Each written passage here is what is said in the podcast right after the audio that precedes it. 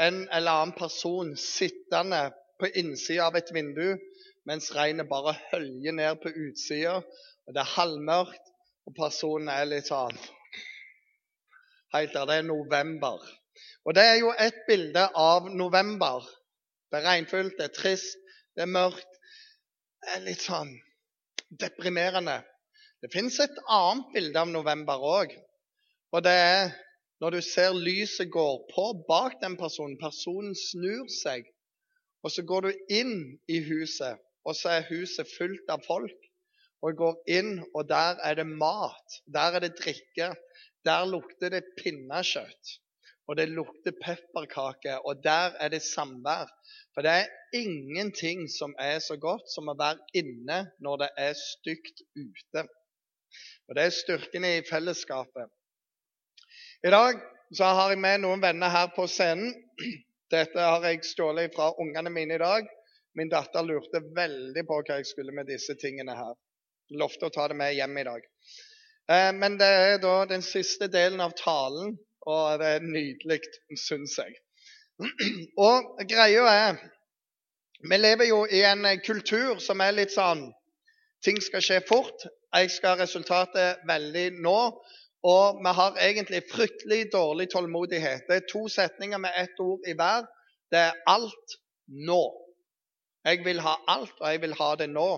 Og jeg fortjener det fordi jeg fortjener det. Og Det er liksom sånn med reklamen. Og det vi må streve med, det som liksom det tar litt tid, det, det er vi litt imot.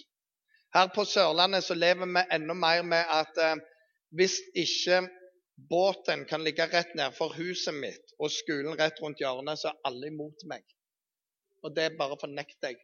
På, I Rogaland så er vi mer opptatt av at hvis det er sånn innenfor tre mil, eller noe sånt, så er det fint med båtplass. Bare vi får en, så er vi takknemlige. Men kulturen vår den er veldig krevende. Og av og til så tar vi jo med livet som er i kulturen rundt oss, inn i vår tro. Og, og vi skal liksom prøve å leve troen. Og de to kulturene stemmer ikke helt alltid. Og det jeg skal snakke om, det er dette her. Det var nemlig sånn at det var en mann og dame som hadde prøvd og fått unge i over 30 år. Det gikk bare aldri. Etterpå det så hadde de gitt opp i nesten 40 år. Og så sier Gud til mannen du skal få utrolig mange barn. Etterkommer. Bare se på stjernen på himmelen. Sant? Du snakker om november, det er mørkt og trist, og du bare går ned og ser. Så sier han løft blikket, opp. Så mange skal etterkommerne dine være. Hvis du kan telle de, så skal de kunne telle dine etterkommere. Og så bøyer han seg ned igjen og sier, 'Ser du sandkorna?' Ja. 'Hvis de kan telle alle de, så skal de kunne telle dine. Så mange vil jeg gi deg.' Problemet var jo at mannen var over 90 år, og dama var òg over 90 år. Han sa har ikke helt tenning på hun der lenger, ser du. Det er noe der. Så det gikk jo ei stund, og så sier dama til mannen du, vet det der Gud har sagt et par ganger. Ja, jeg tror vi må hjelpe Gud litt. jeg.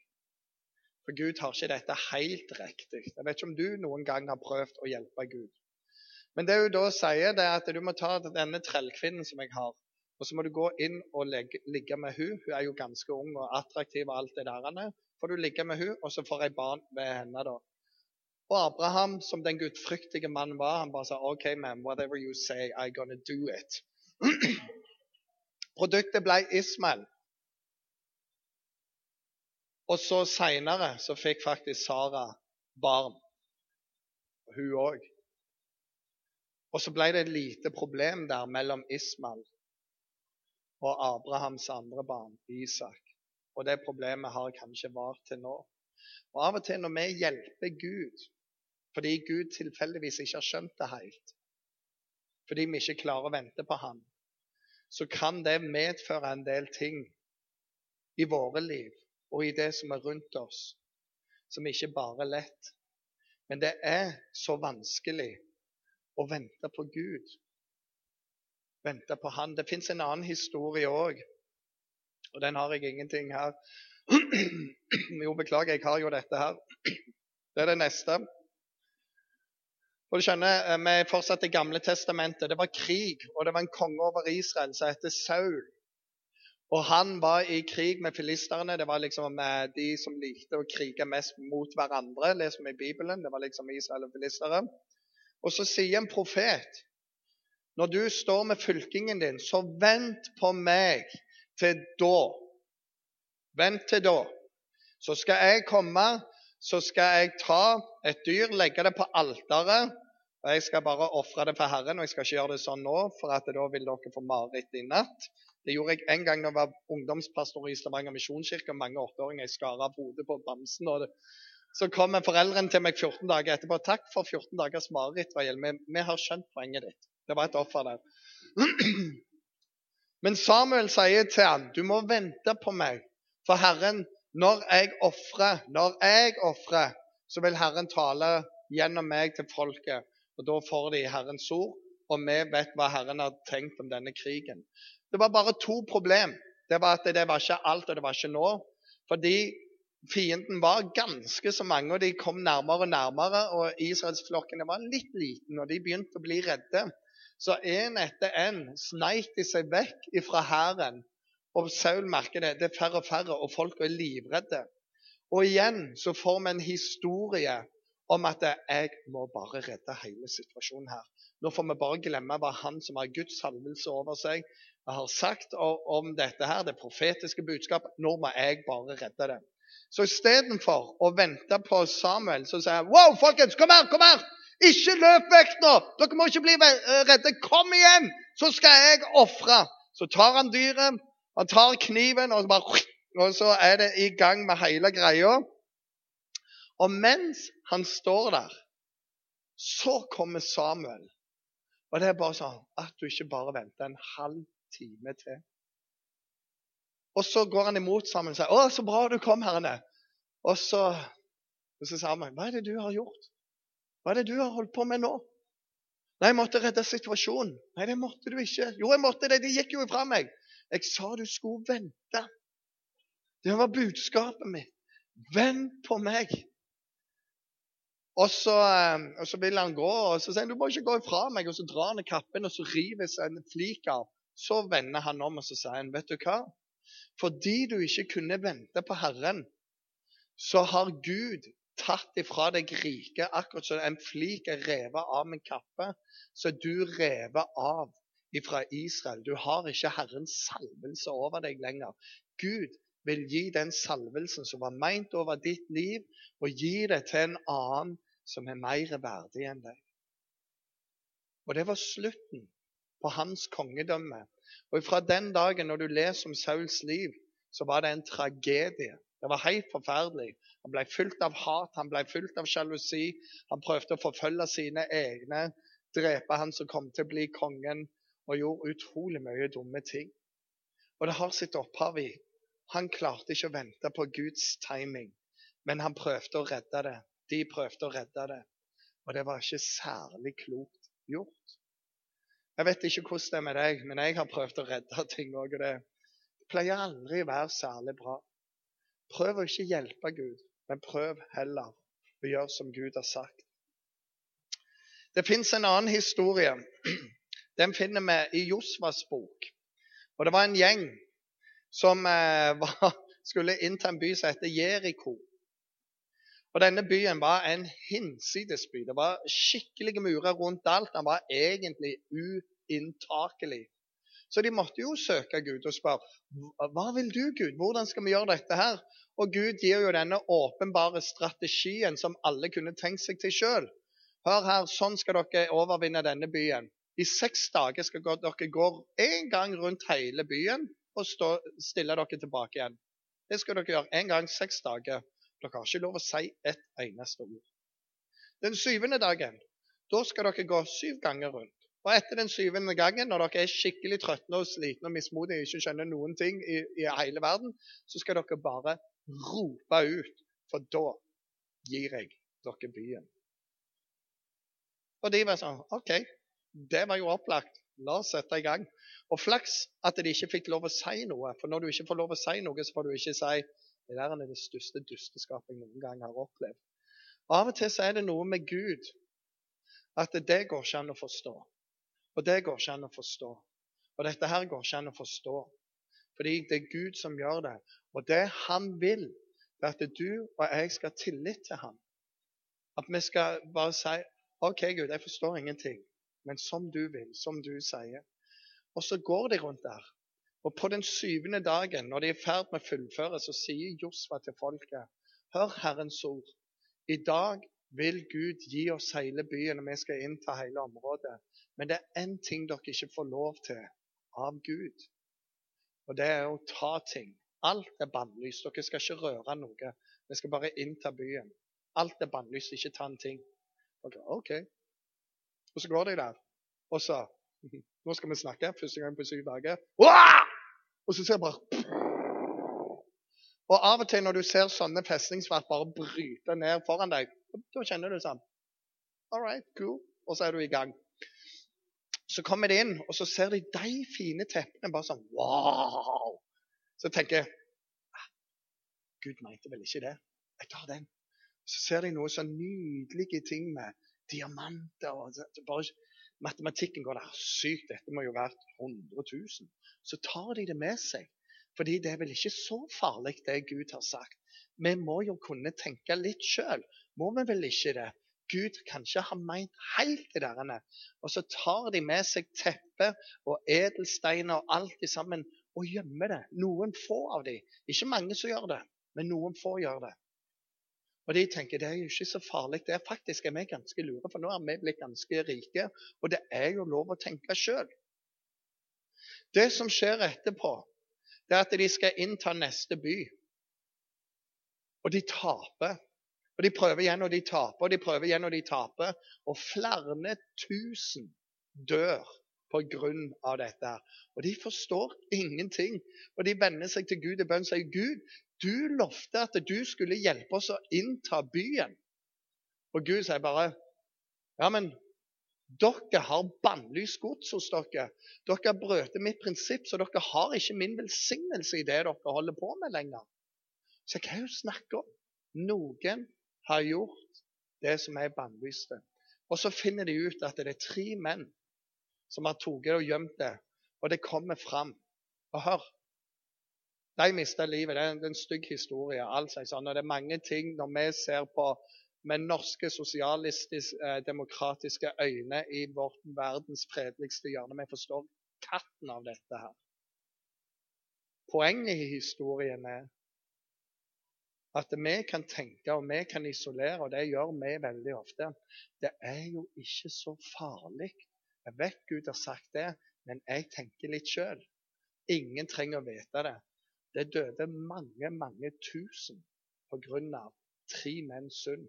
På en dag 3000 menn. Det er litt dårlig greie, det. Skal 1000 dø per mann som har gjort en synd? Synd har alltid konsekvenser, og noen ganger er det konsekvenser for mange, mange flere enn meg sjøl. Vi har mange eksempler fra kirkeliv der det bare skjedd så mye rart i en menighet, i en setting, og folk forstår ikke hva er det som skjer. Vi ber, vi faster, vi gir, og, men det er bare et eller annet som er stengt. Og så kommer det noen som, som av og til sier jeg vet hvorfor dette skjer. Jeg har synda med viten og vilje, jeg har holdt dette imot, og det er jeg som stenger for Herrens velsignelse. Jeg har lyst til å si det er ikke alltid sånn, men av og til så er det sånn. Og så bekjenner de det, så er det bare akkurat sånn så Guds godhet kommer utover dem når de bekjenner, og plutselig skjer det ting. Når disse hadde bekjent alt dette her, og de måtte ta sin straff, så var veien rydda, og de hadde Guds velsignelse, og de hørte Guds stemme igjen, og de kunne innta resten av landet. Siste greia her har ingenting med Bergen å gjøre, selv om det er bergensk fiskesuppe. Men det er en historie jeg har en til her oppe, faktisk. Det er en historie om to brødre, tvillingene Esau og Jakob. Esau han var den eldste. Esau hadde da første fødselsretten. Og med den retten så hadde han som den førstefødte hadde han dobbelt arv av det de andre hadde. Han hadde velsignelsen ifra sin far, hvilket betydde utrolig mye. For når sin far, hvis han fikk lov å dø litt gammel, og sånn, så ville han velsigne den som hadde førstefødselsretten. og gi han en velsignelse som skulle være over resten av livet. Og i tillegg, som en tredje ting, så hadde den eldste med fødselsretten bestemmelsesrett over de andre. Han ble som far for de andre. Det ordet den sa, ville telle mer. Og det var Esau som hadde dette. Jakob var den som var yngst. Og En dag så var det sånn at Esau han var ute og jakta. Han elsket jakt og fiske. Skulle trodd han var fra Froland. Skikkelig god der ute. Stilte klokka, klokka etter elgjakten og alt det der. Mens Jakob han var mer byas. Likte å være i telt og lage mat og nye retter og all slags sånne ting. Faren likte Esau, mora likte Jakob. Sånn som det ofte er med byas og skikkelige folk. Så ehm, så var det bare det at eh, Esau han hadde vært ute og jakta vel og lenge. Han hadde vært ute, han var trøtt, han var sliten, han var utrolig sulten. Og han kommer inn i teltet til Jakob, og så bare lukta han bergensk fiskesuppe. Og plutselig så er det sånn at vanligvis så, så lukter bergensk fiskesuppe, den billigste suppe du kan finne på Kiwi til 4,90 det lukter ikke vondt, den lukter bare dødsgodt. Sinnssykt godt. Jeg har aldri kjent noe så god lukt. Fordi når du er sulten, når du er trøtt, så våkner noe til live. Og det eneste han klarer å fokusere på, er. Og det er oppi ei gryte, og det lukter godt. Og så sier han, 'Gi meg det der. Jeg trenger litt mat.' Og plutselig så forstår Jakob I got the power. Og Jeg vet ikke hvordan det er med deg, men jeg er dritten i midten. Og vi som er dritten i midten, eller du som er yngst, du vet at den som er eldst, den bestemmer alltid. sant? Det blir som den eldste sier. Den kan sette muskler inn på det, ord inn på det og livserfaring inn på det. Og vi andre vi vet vi har ikke så mye å si. Men når vi plutselig opplever at de sier 'jeg trenger det', så er det sånn Once in a lifetime shot. Og hva gjør du? Du bare sikter på toppen. Ja, hvis, du, hvis jeg skal gjøre det som du trenger nå, så Og så bare tenker du hvor mye kan jeg kreve? For du har aldri sjansen til å kreve mye av den som er eldre. Den eldre den kan kreve alt hele tida. Gi meg det, ellers banker jeg deg. sant? Så OK, ok, bare gjør det. Jeg vasker bilen din. Ja, flott. Og her plutselig så skjønner du at nå har du sjansen til å gjøre et eller annet. Så, så Jakob han bare tar det høyeste. Det er litt sånn eh, 'Da skal jeg låne bilen din i ei uke.' Liksom. Så, 'Glem det. Mopeden, da. Glem det. Sykkelen kan bare bort til Rimi, eller?' Vær så god. Sant? Så du, du, prøver, liksom. Så han bare går for toppen. Og så står han der når han ser bare 'Jeg må ha mat', så sier 'Ja, hvis du skal ha den maten, så gi meg førstefødselsretten. Bare gi det til meg!' Og han tenker 'No way'. Men så er det bare noe med oss mennesker. Og det er når begjæret vekkes i oss, når det er noe vi virkelig har lyst på, samme hva det er, og det trenger ikke å være veldig syndig. Det kan av og til bare være noe du har veldig lyst til å kjøpe, og det, er bare det du må ha nå. og Hva enn det måtte være. Det trenger ikke være syndig, men hva som helst du bare 'Nå må jeg ha det!' Så har vår hjerne en tendens til å forløse noen stoff og minimere noen stoff som gjør at du automatisk, uten å tenke på det, begynner bare å overfokusere godene med dette her. Jeg må bare ha det. det bare, og så minimerer du ulempene. Jeg trenger bergensk fiskesuppe. Og det er så sinnssykt mye mer verdt enn en ussel liten førstefødselsrett. Så han går der, og så sier han OK. Det er greit. Hva skal jeg vel med den når jeg kan få bergensk fiskesuppe til 4,90 på Kiwi? Og det er som himmelen står der bak og sier nei, nei, Esau, du må ikke gjøre det. Jeg hørte ikke. Du må ikke gjøre det, for det kommer til å stå i Bibelen. Jeg er din Gud, akkurat som var Abrahams, Isak og Esaus Gud. Folk kommer til å kalle unger opp etter deg. Når de bærer dem fram til dåpen, er det barnevelsignelse. Så skal de spørre hva skal barnet hete. Esau skal min sønn hete. Det, det er det! Du kommer til å være nevnt så mye i Bibelen. Du må bare ikke gjøre det. Men Esau han ser bare Bergens fiskesuppe. I got to have it, my precious. Og der og da så selger han alt. Absolutt alt. Fordi akkurat nå er det kun det som teller. Og det er ingen som kaller ungen sin for esel. Var han esel? Ærlig talt. Og det står Abrahams og Isaks og Jakobs Gud. Og han bytta det bort for ingenting. Ingenting. Den siste Det var en av Jesus sine utvalgte som het Judas Iskariot. Han var noe som het selot. Seloter det var de som eh, ventet på et væpna opprør. For på den tida de levde, så var det romerne som herska over vanvittig store områder, deriblant hele Midtøsten. Og når folk venta på Messias, den Gud skulle sende for å frelse, så hadde noen fått en tanke om at denne Messias han skulle være en militær størrelse. Han skulle frelse dem fra romerne. Det var ikke så mye himmel, men det var mye romere. Og, og Judas hadde begynt å se på denne Jesus som han tenkte han er kanskje Messias. Han vil være med oss selotene, og selotene de var knivstikkere. Deres mål var væpna opprør avsette romerne med makt og med blod. Og han håpte at Jesus skulle lede dette her.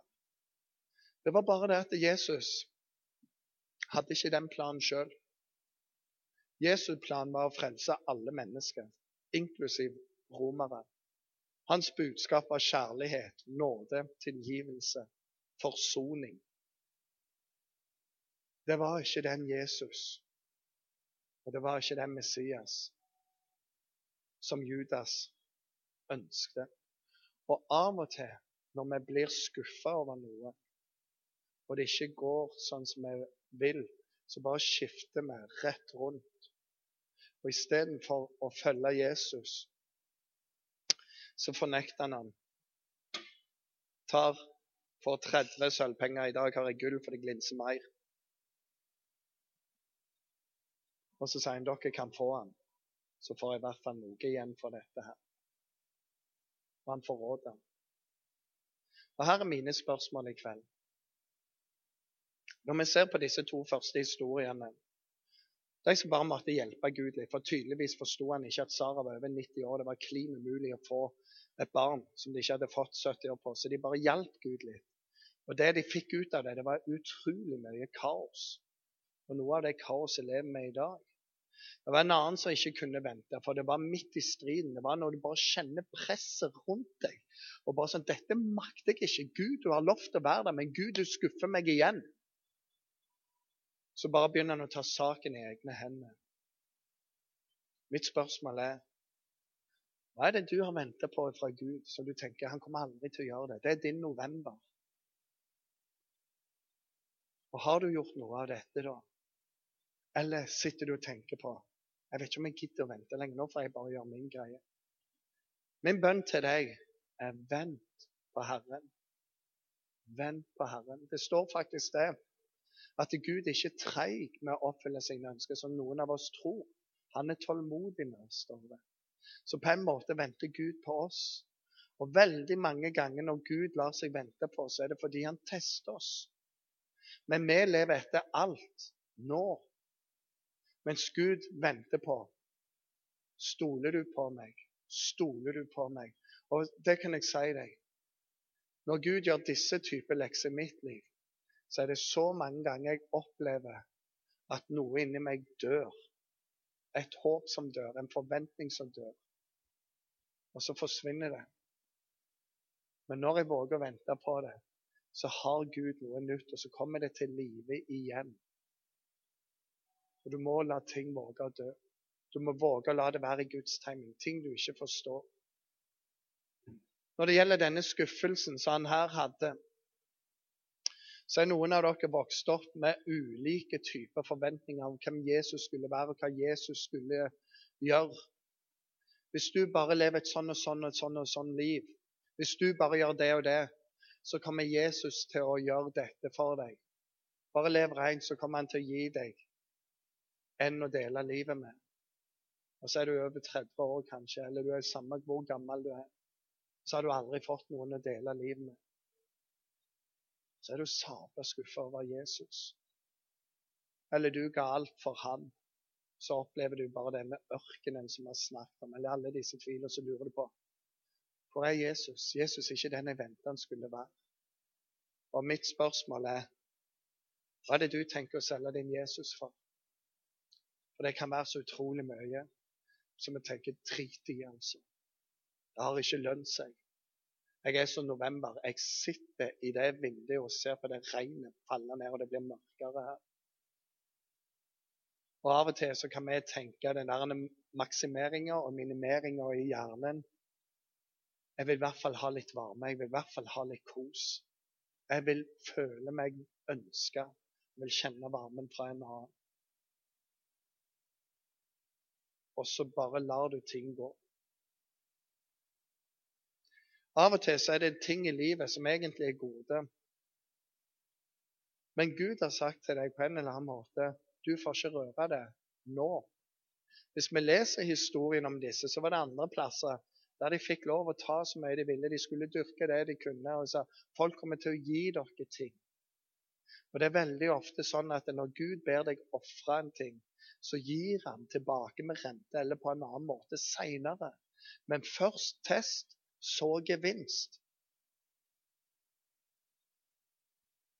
Hva er det du bare tenker det river jeg til meg nå? Eh, det er ikke så farlig. Ingen merker det. Du kan skade deg sjøl, du kan skade de som er rundt deg med dine valg. Ser det ofte i familiesetting at ens valg kan skade en hel familie. Det kan skade en slekt, det kan skade en menighet, det kan skade en by. Men det er så fristende, og det er så enkelt. Legg to og to i sammen. Men i Guds rike så er det ikke alltid sånn at vi legger to og to i sammen. Vi lytter, og vi leser, og vi ber, og vi har fellesskap. Og Den siste her har et spørsmål. Hva er det som er oppi den suppeskåla for deg, som du går og tenker på? Jeg vil heller ha det her og nå. Hva er den suppa du koker nå? Som din første fødselsrett, som din velsignelse kan ryke. Hva er det? Helt til slutt så har jeg lyst til å si det. Så sitter du kanskje og tenker jeg har bomma der, jeg har bomma der, jeg har bomma der. Wow! Ikke én suppe, det er 100 supper i mitt liv. Og du finner ikke den veien tilbake igjen. Den Gud som vi lærer å kjenne gjennom Bibelen, gjennom fellesskapet, er en nådig Gud. Han sier der synden var stor, var nåden enda større. På engelsk er det enda bedre. Where sin abundance, mercy, super abundance. Det er bare mer nåde, og det står din nåde er ny hver en morgen. Han sier, 'Kom til meg, alle dere som har tungt å bære, som sliter. Kom til meg, for jeg vil gi dere hvile.' Legg alt som bekymrer dere, legg alt som dere bærer på, ned for meg, så vil jeg gi deg noe annet å bære. Og clouet er det er godt for oss å bære noe. Du kan ikke bare slutte med ting, du må òg fylle det med ting. For hvis det er bare tomrom, så blir det verre. For da dras vi her. Så du må fylle det aktivt. I Touchpoint så har vi smågrupper. Og De smågruppene kaller vi for Connect. Og En av grunnene til det er vi vet vi klarer ikke å leve det kristne livet alene. Vi trenger noen å leve det sammen med. Bli med i det. Vi har òg tjeneste. Og vi tenker vi har noe som kalles touchpoint high five. Av de så er det de tre store. Og det sier vi gå fast på møtene. For du trenger det der inputet. Du trenger det fellesskapet. Gå i ei smågruppe. Det er disippelplasser. Noen få samles. Bibel, bønn, fellesskap. Bli med i en tjeneste. For ting endrer seg når du er i tjeneste. Og disse tre i sammen Gjør at touchpoint ikke bare er en sånn hipp, kul plass du ser mye folk, men du får venner her, du får en meningsfull tid her. Du får folk som hjelper deg å leve det livet du egentlig ønsker å leve. Det som funker på lang tid. Og det som gjør når du ser tilbake igjen, så har du tatt en haug med gode valg. Noen trenger å vende seg om. Og noen trenger bare å stenge den døra du holder på å gå rett inn i nå. Noen flørter utrolig mye med tanker som du vet ikke er bra for deg. Men det er november. Og Mitt budskap til deg slutt å se ut på regnet der ute. Snu ansiktet og gå inn i fellesskapet, i varmen som er i huset. For i november regner det ute, men det er den beste måten, måneden å være inne i huset. Ha den varme kakaoen, kjenne at det brenner i peisen, og det er et fellesskap. Med dette så avslutter vi faktisk alle møtene våre her i Touchpoint i høst. Neste uke er det medarbeiderfest. Den er for alle som ønsker å være der, enten du er medarbeider eller lurer på det. På lørdag har vi en stor greie på Ansgar, hvilket vi håper at dere blir med på. Eh, der møter dere alle disse fra de andre touchpointene i Norge. Foreløpig så er vi 70 stykk. Vi har plass til flere. Det er god mat. Men mest av alt, det gir et fokus. Og hvis du lurer på hva er touchpoint, hvordan funker det, bli med der. Og av og til det å vite hva vi egentlig holder på med, ha noe å leve for, ha noe å fylle med, det er med å gjøre at vi ikke er her hele tida. Vi har noe positivt å fylle sinnet med. Skal vi be sammen? Himmelske Far, jeg takker deg for at du ser oss. Du ser oss nå i måneden november. Du ser de tingene som vi måtte slite med, som er vanskelig for oss. Herre, du ser de områdene hvor vi har prøvd å hjelpe deg, fordi du tydeligvis ikke har gjort det vi ønsket. Du ser hvor vi er skuffa av deg, Herre. Det var ikke sånn vi trodde det skulle bli. Du ser de fristelsene vi har, der vi holder på å selge oss sjøl, selge vår integritet, selge vår velsignelse. Herre, jeg ber, hjelp oss til å ikke være i dette november. Hjelp oss å holde ut, bestå prøven. Hjelp oss å lære å ha tillit til deg. Og Herre, vi vet at etter november så kommer det desember, og der venter vi fram til Jesusbarnet blir født. Og Herre, vi vet at du fødes på en måte på ny i våre liv. Vi ber om at vi skal komme tilbake til der, der vi kjenner nå er jeg der igjen. Og jeg er så glad jeg holdt ut. Jeg er så glad at jeg valgte Jesus. Så vet vi at hver gang vi holder ut, hver gang vi, vi kommer dit, så er vi så evig takknemlige. Og vi merker at du har løftet oss opp, og du har ført oss fram. Mens vi nå ber, og folk lukker øynene og ser ned for seg, så regner jeg med at noen bare har kjent Wow, der traff du meg, og jeg er der. Jeg trenger å få den tilgivelsen, for jeg var langt ut forbi. Og jeg trenger å finne veien tilbake til Jesus. Og det er noen av dere som jeg tror har det sånn at åh, jeg orker ikke mer egentlig. Men i kveld kan du ta den beslutningen. Jesus, med din hjelp så vil jeg mer. Jeg vil deg. Og samme hva det er, så ber jeg deg bare rekke opp hånda. Og mens de andre ser ned, så tar jeg det med i en enkel bønn, sånn som vi gjerne gjør her på Touchpoint. Så er du her så sier Gud velsigne deg. Flere som ønsker å være med i bønn, rekker du opp hånden. Du kan bare ta ned dere sånn at Gud velsigne deg. Og det andre er Gud velsigne deg. Er det flere? Gud velsigne deg og deg og deg. Flere som vil bli tatt med, så tar jeg det med.